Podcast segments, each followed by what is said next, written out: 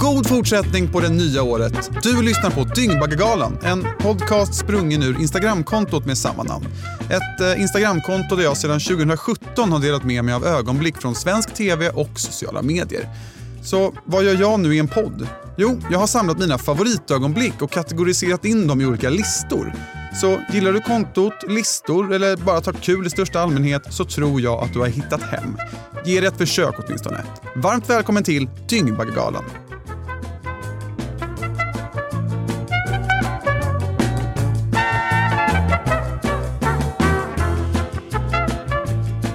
Vad passar väl bättre så här på nyårsdagen än att lista efterhandskonstruktioner?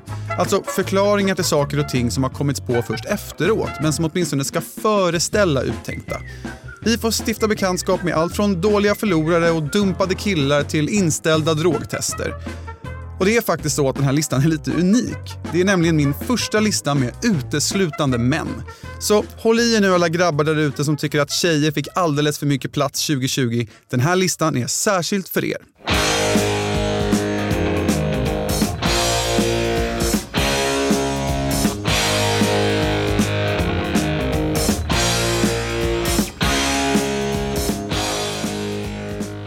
Börjar med någonting som egentligen inte alls går under begreppet efterhandskonstruktion utan kanske då snarare som någon slags allt eftersom-konstruktion.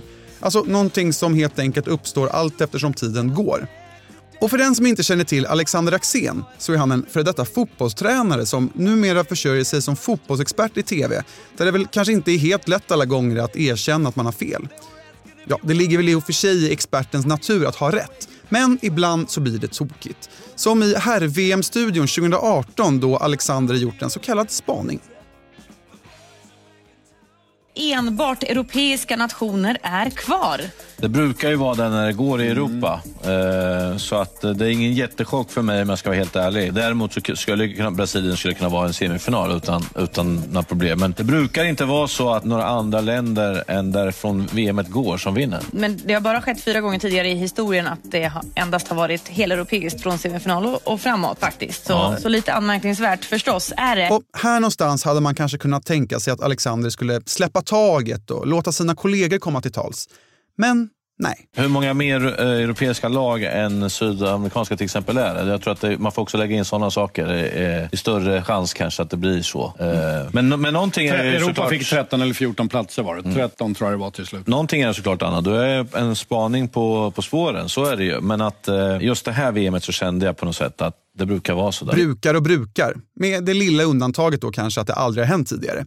Men när vi ändå är inne på Alexanders magkänsla kring det här världsmästerskapet som ägde rum i Ryssland då 2018 så kan vi också påminna oss om hur det lät när han skulle tippa vinnaren av mästerskapet. Mitt lag, eller vad man kallar eller själva eh, tipset, det heter Facit. Och det, är, det finns en anledning av det. Och vilka tar hem VM 2018? Tyskland. Tyskland gör det? Japp. Som slutade sist i gruppspelet. Magkänsla. Innan vi går vidare till mer regelrätta efterhandskonstruktioner så tänkte jag ta ytterligare en sån här allt eftersom-konstruktion. Det finns säkert ett finare ord än allt eftersom-konstruktion, men jag hoppas att ni förstår vad jag menar. Hur som helst, på listans sjätte plats hittar vi Thomas Bodström. Även han en före detta fotbollsman, men här i egenskap av socialdemokratisk riksdagsman. Året är 2010 och den tidigare justitieministern Bodström har i andra sammanhang talat sig varm om så kallade frivilliga drogtester. Därför bestämde sig P3 Nyheter för att i en intervju med Bodström erbjuda just ett frivilligt drogtest. Jag vill passa på här innan också och ursäkta det lite knastriga ljudet. Vi har en fråga om ni skulle kunna få drogtesta dig. Om ni ska få drogtesta mig? Ja, ni får gärna drogtesta mig.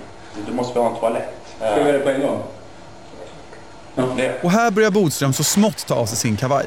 Jag måste berätta lite grann vad det är jag testar då. Det är amfetamin, hasch, eh, opiater och bensodiazepiner. Ja. Och det är alltså en sticka bara som man läser av. Ja. Och så visar det till innan. Men du, jag känner, jag struntar i det. Okej. Ja, jag känner, jag är så jäkla, jag vet inte. Jag bara kände det. Varför då? Det Därför jag bara är- kände, ja, nej men jag kände jag var för svettig och allt. Mm. Men du, vill du inte ställa upp på? Nej, jag känner inte för det nu. Varför då? Därför att jag kände att det blev lite för personligt här och jag är genomsvettig med skjorta och allting. Jag kände att. Vi kanske kan göra det senare till. Ja, det blev ju alltså inget drogtest för den gode Bodström. Han var ju trots allt svettig och allting.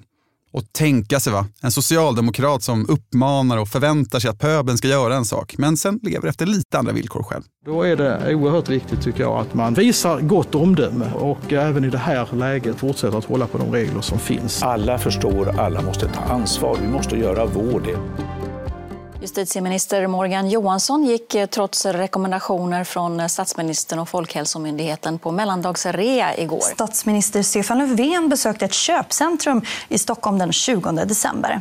Detta trots regeringens uppmaning om minskad trängsel i handeln och Löfvens egen kritik. Kommer ni ihåg Kent Ekeroth?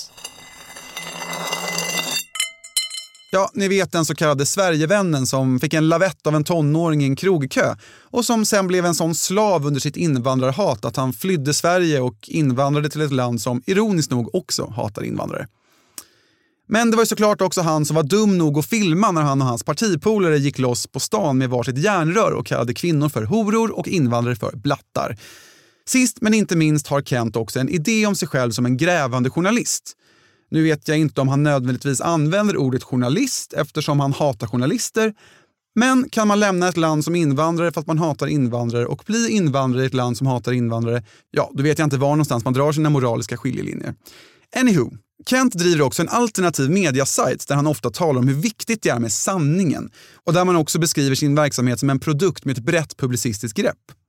Radiokanalen P1 lät inför valet 2010 och flera år framåt en riktig journalist följa med Kent på diverse publicistiska upptåg. Och i samband med ett reportage där Kent intervjuat några svenskar om hur dumma några invandrare hade varit fick han så frågan om just den publicistiska bredden. De här personerna pratar ju om några som är där och förstör. Och de här som är där och förstör då, de har du inte pratat med? Nej. Varför inte det? Nej, alltså vi, de var inte där då när vi, när vi eh, eller det kanske de var, men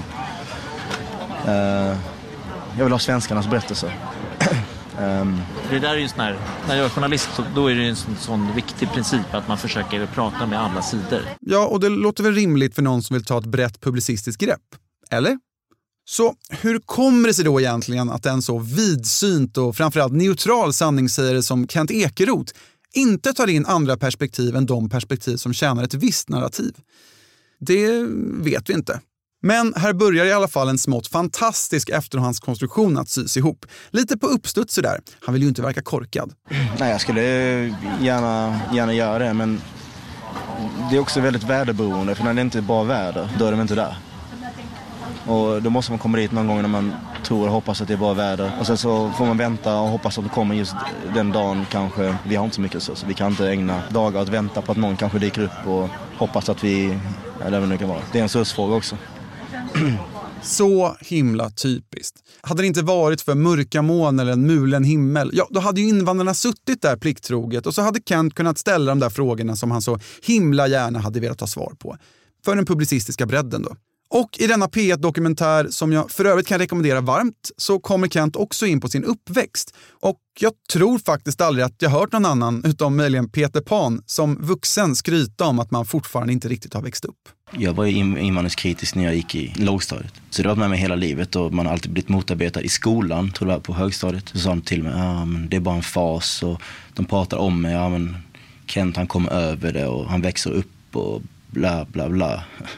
Det var liksom inte någonting som bara var en fas, något sån här barnsliten grej. Utan det var någonting jag trodde på ända sedan jag gick i lågstadiet fram tills nu då.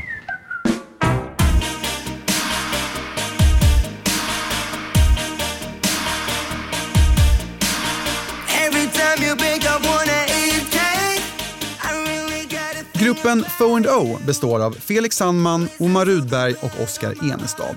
Och så här kan det låta när en medlem i gruppen inte går vidare till final i Melodifestivalen. Du är förhandstippad superfavorit att gå vidare till finalen, gå vidare till Andra chansen. Hur är känslorna kring det?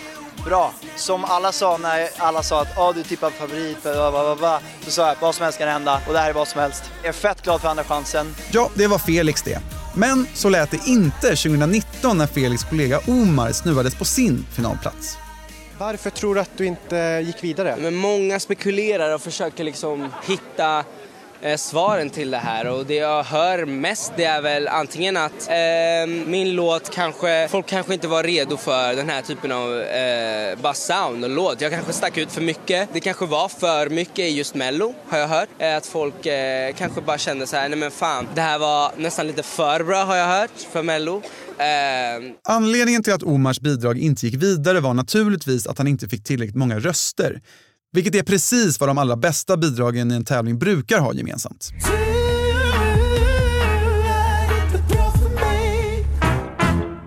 –2010 stod den då blott 45-årige Mikael Waltersson på toppen av sin politiska karriär då han som nybliven riksdagsledamot också utsågs till chef för Sverigedemokraternas riksdagskansli. Parallellt med detta så jobbade Mikael med omvärldsanalys och utformade även Sverigedemokraternas dåvarande försvarspolitik. Och kanske var det just Mikaels vurmande för försvarspolitik som gjorde att han vid sidan av offentligheten också var barnsligt förtjust i den gamle tyske diktatorn Adolf Hitler. Vilket 2014 uppmärksammades av David Bas på Expressen. I nätsammanhang kallar han sig bland annat för Onkel Wolf som var tonsättaren Richard Wagners familjs smeknamn på Adolf Hitler. I Walterssons lösenord återkommer 1889 och AH. Siffrorna är Adolf Hitlers födelseår och bokstäverna är fyrens initialer. Det har ingenting med Adolf Hitler att göra? Det. Nej, eh, däremot så var det lite vad det där, skämtsamt. Uh, uh, och, skämtsamt? Ja, vad Mikael hade gjort här var då alltså att han lite skämtsamt använt världshistoriens största tyrann i sina lösenord och utöver det skickat bilder åt både höger och vänster föreställandes Hitler själv men också kartor över det så kallade Stortyskland där Polen, Danmark, Österrike och Beneluxländerna markerats med röda nazistflaggor. Adolf Hitler, ja. Deutschland, ja. Stortyskland. Deutschland ska då vara hela Västeuropa. Varför skickar du den här? Fånerier. Jag, jag, på den tiden så tyckte jag kanske att det var lite kul. Vad?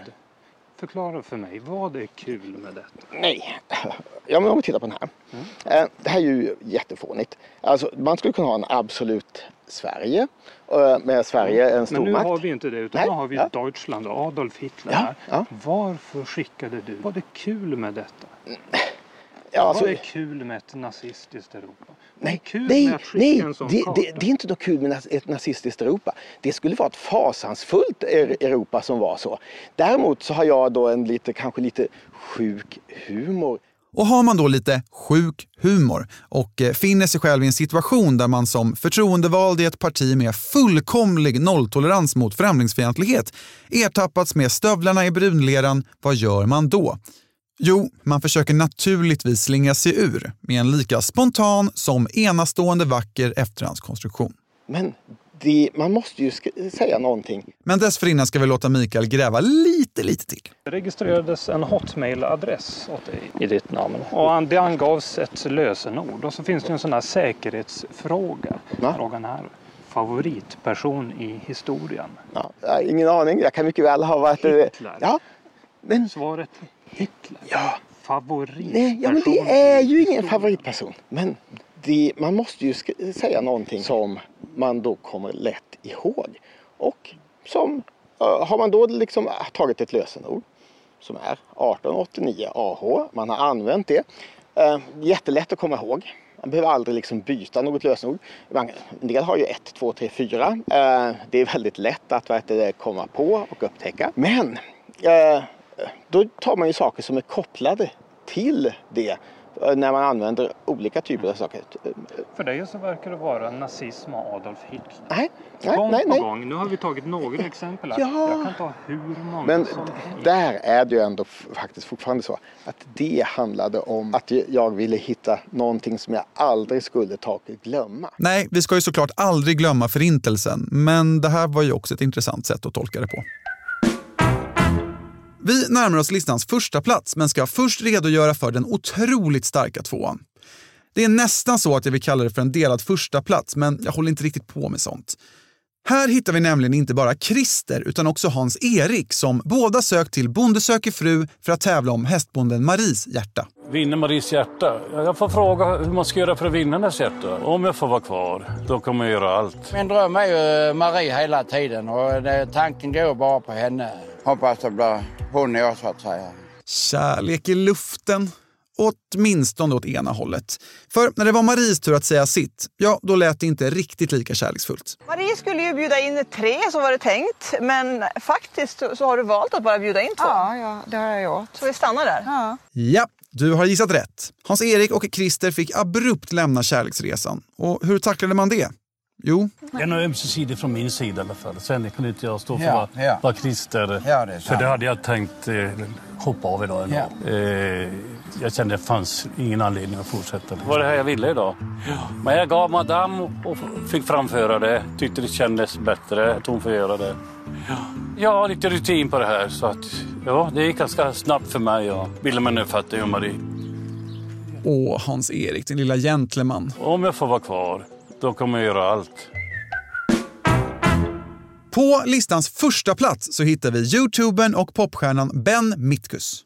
Du kallar mig för cool bög Like är du trög? När vi satt inne ville du japp min röv Vem är det som är bög? Ha? Och här ska jag villigt erkänna att just youtubers kärleksliv kanske inte riktigt tillhör mina paradämnen.